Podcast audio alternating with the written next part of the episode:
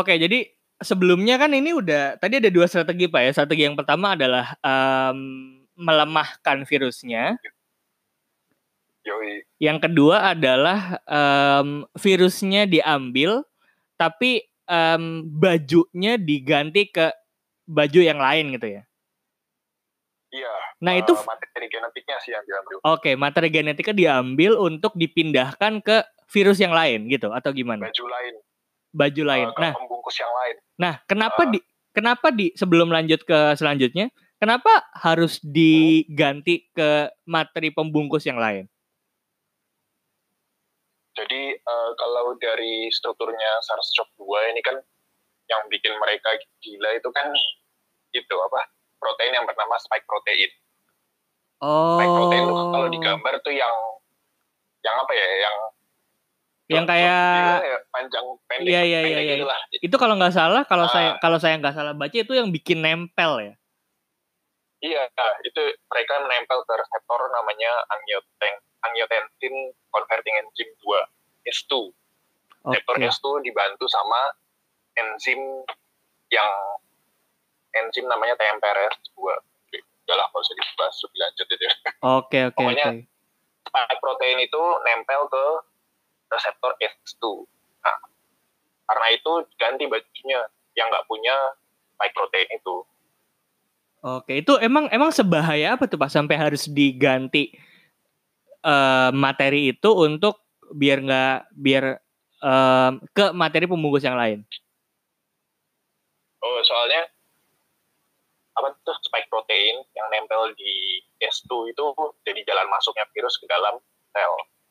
Nah, di dalam sel ini tujuan hidupnya virus itu memperbanyak dirinya sendiri dengan cara menyalin eh, menyalin materi genetik dan memproduksi protein buat dia sendiri. Jadi reproduksinya virus itu harus pada host cell. Dalam hal ini kalau SARS-CoV-2 itu kalau mau reproduksi harus masuk ke dalam sel manusia lewat reseptor S2 itu. Oke.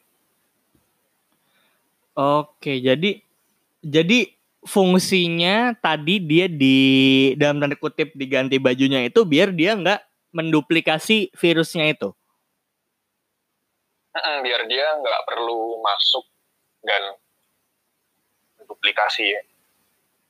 Jadi kalau dia sudah ganti baju itu kan dia tidak bisa masuk, tidak bisa dia cuma beredar di dalam tubuh, tapi habis itu dimatiin sama antibodi yang terbentuk dari. Ah, oke oke oke oke oke oke oke oke saya ngerti. Oke, em, lanjut Pak. Tadi kan ada dua strategi untuk pembuatan vaksin ya ini ya. Mm-mm, Yang selan- selanjutnya apa nih Pak? Kalau yang ketiga, ini tuh justru memperkenalkan protein. Proteinnya itu mungkin namanya tuh kalau nggak salah subunit ya, subunit protein vaksin. Hmm. Jadi proteinnya tuh diperkenalkan ke dalam tubuh manusia. Jadi kalau proteinnya udah masuk ke dalam tubuh kita, itu nanti antibodinya keluar. Jadi kan kita jadi kebal selanjutnya.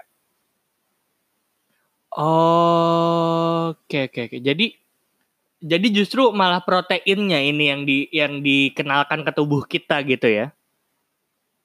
Hmm, kalau tadi kan dihindari proteinnya, kalau ini justru proteinnya. Tapi proteinnya doang. Oke, itu itu biar apa tuh Pak? Fungsinya biar apa tuh? Supaya itu menstimulus respon imun. Oke oke oke oke. Oke, itu yang ketiga terus yang keempat?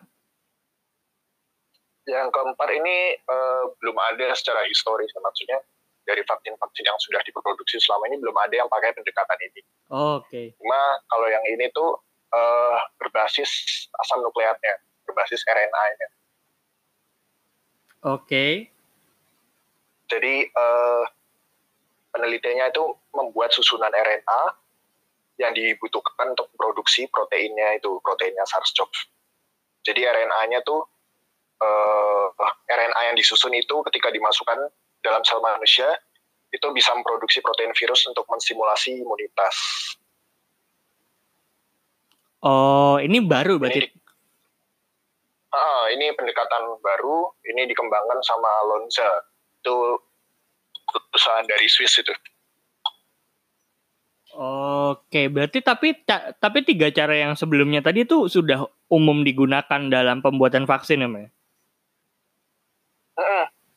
Yang kedua yang tadi ganti baju itu belum tahu sih, nggak tahu sih.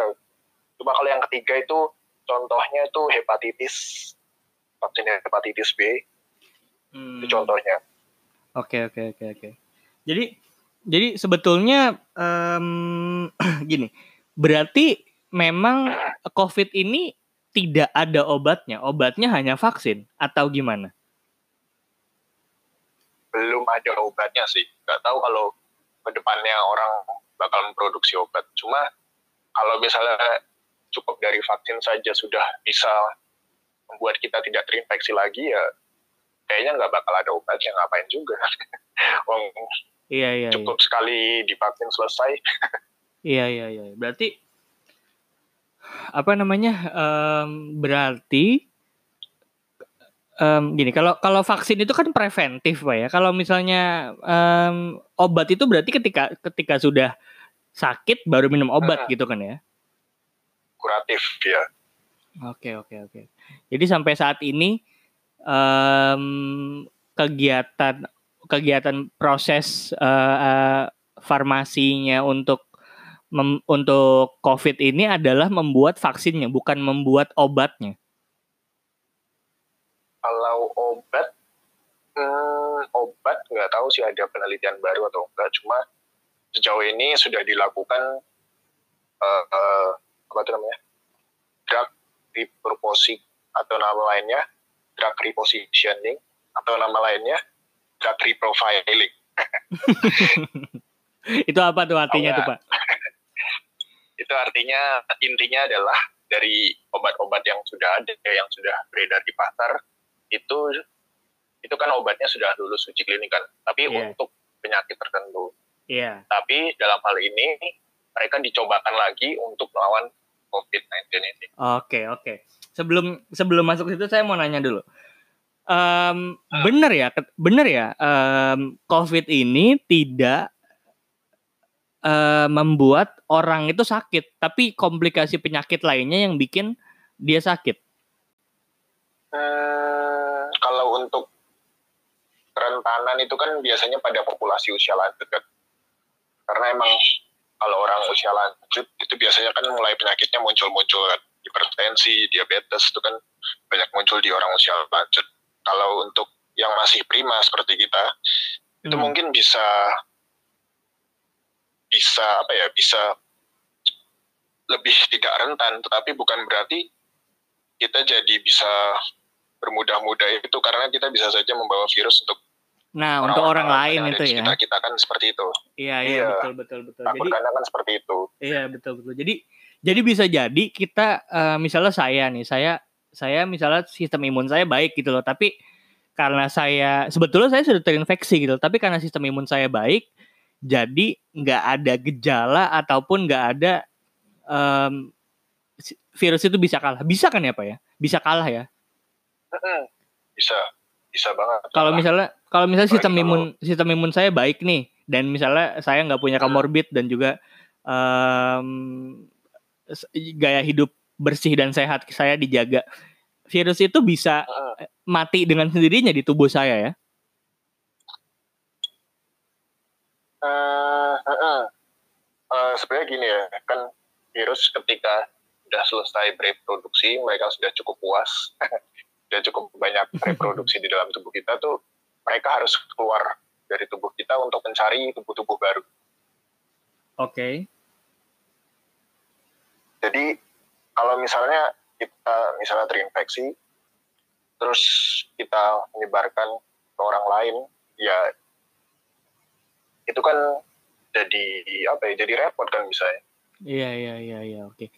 Tapi ketika uh, gini, aja kita bisa sembuh tapi kita yang ngeluarin ke orang lain yang nggak bisa sembuh itu kan bakal repot kalau gitu kan. Iya betul betul betul. Iya iya itu itu poin saya sih. Jadi sebetulnya ketika virusnya sudah misalnya sudah berkembang biak di tubuh kita gitu ya sudah sudah sudah mereproduksi uh dengan cukup gitu di tubuh kita terus ternyata sistem imun kita kuat nih berarti sangat mungkin kan virus itu akan dikalahkan oleh kita.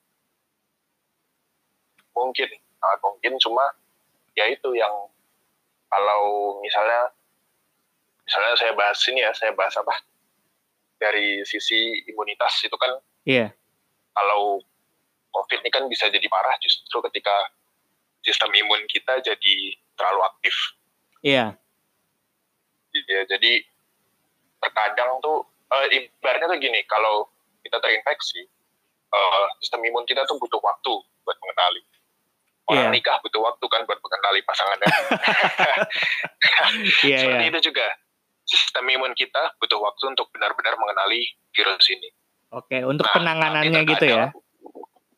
Ah, tetapi terkadang ketika ketika sistem imun kita sedang pelajari virus baru ini, Hmm. justru eh, justru jadi terlalu aktif.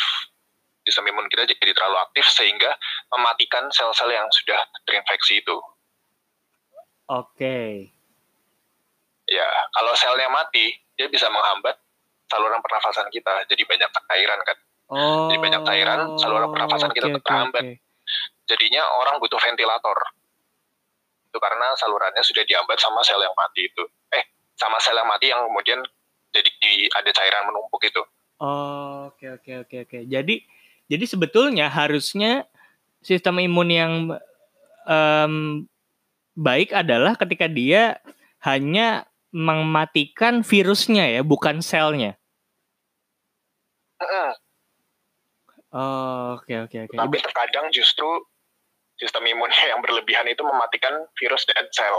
Oke oke. Ibarat katanya gini, misalnya ada maling di dalam rumah, harusnya kalau sistem Oh, imun itu iya. kita anggap sebagai polisi, berarti harusnya polisi itu hanya nangkep si malingnya aja ya, bukan hancurkan rumahnya gitu ya. Ah, iya, ini malingnya digebukin sama isi-isi rumahnya dihancurin. Oh, oke oke. Itu yang pas isinya udah hancur, polisinya datang, kok kehambat kan jalannya? Oh enggak sih, enggak itu udara sih. Oke. sorry. berarti berarti berarti gitu ya anggapannya adalah ketika sistem imun yang baik dia hanya akan mematikan virusnya aja gitu ya. Jadi ketika COVID ini salah satunya nyebabin kayak kekacauan gitu berarti apa ya? Bikin ini kayaknya Iya, yang harus dihancurkan rumahnya juga deh. Berarti makanya dihancurkan juga gitu mungkin ya, Pak ya? eh, kalau kita pakai analogi yang polisi itu tadi kan benar ya. Jadi maling datang, misalnya mereka butuh kompor buat bikin mie, udah tiga hari nggak makan. Iya. Terus ada orang nih lebay, ada orang di eh, ada orang pertama orang pertama tuh datang lihat maling, wah bahaya ada maling, panggil polisi. Terus ada orang kedua juga penghuni rumah juga lihat, wah ada maling nih, udah gimana ya panggil tetangga aja deh, panggil tetangga. Dia apa membanting lemari, wah tetangga kan kaget kan keluar semua tuh tetangga, Sret. Iya. terus nyamperin di rumah, ada apa ada apa, ada maling ada maling. Wah, nggak bisa dibiarin nih. Wah, tetangganya datang rame-rame. Iya, malingnya dipukulin bisa sambil mati, tapi kursinya juga dihancurin, kursi rumah kita, meja kita dibanting, Ah, iya, iya, Terus iya, iya. oven dibanting ya, gitulah kira-kira. Kalau dianalogikan seperti itu. Oke oke. Dan dan tanpa sadar em, yang mau gebukin maling itu juga malah ngerusak pondasi rumahnya, rumahnya rubuh dan malah kena semua gitu ya. Iya. Oke oke oke oke. Itu mungkin mungkin jadi analogi. Atau eh, eh, kalau dianalogikan mungkin eh, tetangganya itu malah ngancurin kayak tiang penyangga rumah, terus rumahnya rubuh. Nah gitu. Kalau COVID ini kan yang yang yang kehambat kan jalur masuk udara di paru-paru, jadinya Iya. nggak bisa nafas terus mati gitu kan. Hmm. Oke oke oke oke. Berarti kurang lebih Ya, kalau fondasi ya benar sih. Iya, berarti kalau dianalogikan berarti kurang lebih em, COVID ini justru malah bikin ibarat katanya bi- bikin fitnah di sistem imunnya Pak, ya, bikin bingung eh. Ini kita nyerang yang mana nih? Nyerang yang mana nih gitu ya. Tetangganya koplo. Oke, oke, oke. Oke, berarti kurang lebih tentang sistem imun seperti itu ya. Oke, kita lanjut lagi ke tadi sempat ada bahasan masalah eh, obat dari COVID ini adalah salah satu caranya dengan menggunakan obat yang sudah ada dan sudah beredar, sudah lulus edar, sudah berizin, lalu dijadikan em, obat untuk COVID ini. Sebelumnya saya mau nanya dulu, Mm-mm. praktek ini Ya, sudah lazim buat- di kalangan apoteker atau farmasi. Misalnya kita mencampurkan dua obat dengan dosis yang berbeda untuk pasien. Karena saya tahu itu ada namanya obat kan ada yang namanya kapsul, ada yang namanya puyer, ada yang namanya pil. Nah, di dalam pil itu di dalam di dalam puyer itu kan ada ada obat bubuk kan? Apakah itu adalah iya. gabungan ya. dari beberapa obat? Tergantung obatnya sih. Kalau kalau misalnya kamu beli dekolgen itu ada tiga obatnya. Tapi ya. lupa apa aja isinya. Pokoknya ada paracetamolnya itu. itu ya. ada iya. tiga bahan aktif jadi satu kan dikempa jadi satu bak. Tapi kalau obat beli obat biasa, misalnya obat generik, saya beli apa? Beli obat generik ibuprofen. Ya itu cuma ada ibuprofennya aja. Jadi itu tergantung obatnya mereka buat apa. Kalau misalnya obat pilek tuh biasanya dikombinasikan, tapi dikempa jadi satu obat gitu. Oke. Okay. Berarti praktek ini sudah lazim ya Pak ya? cuma kan kalau eh kalau kombinasikan misalnya dekolgen itu kan karena memang sudah diketahui setiap bahan aktifnya itu paracetamol misalnya buat turunkan demam karena terjadi infeksi. Maksudnya tiap bahan aktifnya kan memang sudah diindikasikan buat buat bekerja sesuai dengan apa yang sudah teruji secara klinis. Kalau untuk COVID ini itu kan misalnya uh, hidroksikloroquine mm -hmm. itu kan sebenarnya buat malaria Oh. Kalau misalnya dikombinasikan dengan yang lain kan nggak tahu. Maksudnya hidroksikloroquine aja tidak secara spesifik buat COVID ini. Oke oke oke oke. Jadi jadi sebetulnya praktek pencampuran obat ini lazim ya pak ya untuk mengobati suatu penyakit ya. Uh -uh. Oke oke oke. Nah um, karena ini beberapa hari yang lalu saya baca berita pak dari kampus Bapak ah. ini. yang katanya yang katanya tim tim peneliti tim peneliti dari Unair mengklaim telah menemukan kombinasi obat untuk penanganan pasien COVID-19. Ini saya baca dari kompas.com ya. Um, kombinasinya adalah uh, loprinavir, ritonavir, azitromisin, Um, terus ada lagi loprinavir, ritonavir, doxis, doxycycline, lop, dosis, do, ah, ya itulah. terus ada lagi rop, loprinavir, ritonavir, dan claritomycin. Terus ada lagi hid, ya, terus ada lagi hidrosik, iya, azitromisin dan hidroksikloroquine dan doxis, doxycycline, ya. Nah itu gimana tuh Pak tanggapan yeah. Bapak? Ini kan ini kan tim peneliti dari kampus Bapak, otomatis anak farmasi pasti dilibatkan dong. Nggak mungkin nggak dong. Gimana nih? Tapi itu yang konferensi pers gelarnya dokter. Iya, iya gimana nih tanggapan Bapak? Ya, uh, kalau dari paparannya, maksudnya dari pemaparannya peneliti ITD itu sama peneliti, sama Pak Rektor itu kan sebenarnya kan masih diuji memang memang efektif tetapi diujinya di kultur sel. Iya. Benar ada tukang bakso lewat. ya. ya, jadi uh, untuk diuji di kultur sel memang banyak calon-calon obat itu bisa berjalan sesuai dengan apa yang kita inginkan. Misalnya kita kasih bakteri dia bisa membunuh, kita kasih sel kanker dia bisa membunuh, kita kasih virus SARS-CoV-2 dia bisa dibunuh juga pakai ini. Cuma uh, pembuktiannya itu tidak cukup kalau sekedar masih di kultur sel. Itu namanya masih pembuktian secara in vitro. Itu masih tingkat awal ya kalau menggunakan obat. Sebenarnya masih butuh lagi uji-uji lebih lanjut. Itu namanya uji klinis. Nah, uji klinis itu dilaksanakan pada manusia secara langsung. Karena uh, tubuh kita itu kan sangat kompleks ya. Kalau kalau kita cemprengin isinya tuh wah iya, macam-macam yeah, yeah, yeah. betul betul betul jadi apa ya apa yang sudah terlihat menjanjikan di awal belum tentu bisa memberikan efek sebagaimana yang diinginkan ketika diujikan pada manusia kira-kira begitu. Oke oke. Jadi obat ini ada sudah diujikan pada sel dan ampuh gitu ya pak ya? Hmm, di kultur sel. Di di kultur sel ampuh. Lalu Tapi um, belum di manusia belum. di manusia belum. Em, sebelumnya em, proses pembuatan obat, nih pak ya. Eh, pembuatan obat se- ketika dari gini, pembuatan obat dari awal nih ya, dari awal ditemukan bahannya ini ini ini sampai bisa dijadikan em, obat untuk manusia itu gimana tuh pak? Oh iya. Jadi eh, ini namanya proses pengembangan obat.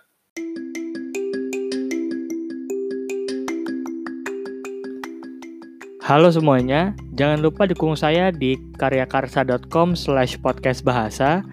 Kamu bisa dukung saya mulai dari Rp5.000 aja, dan dukungan kamu pastinya sangat berharga untuk podcast bahasa. Jangan lupa karyakarsa.com slash podcast bahasa. Terima kasih.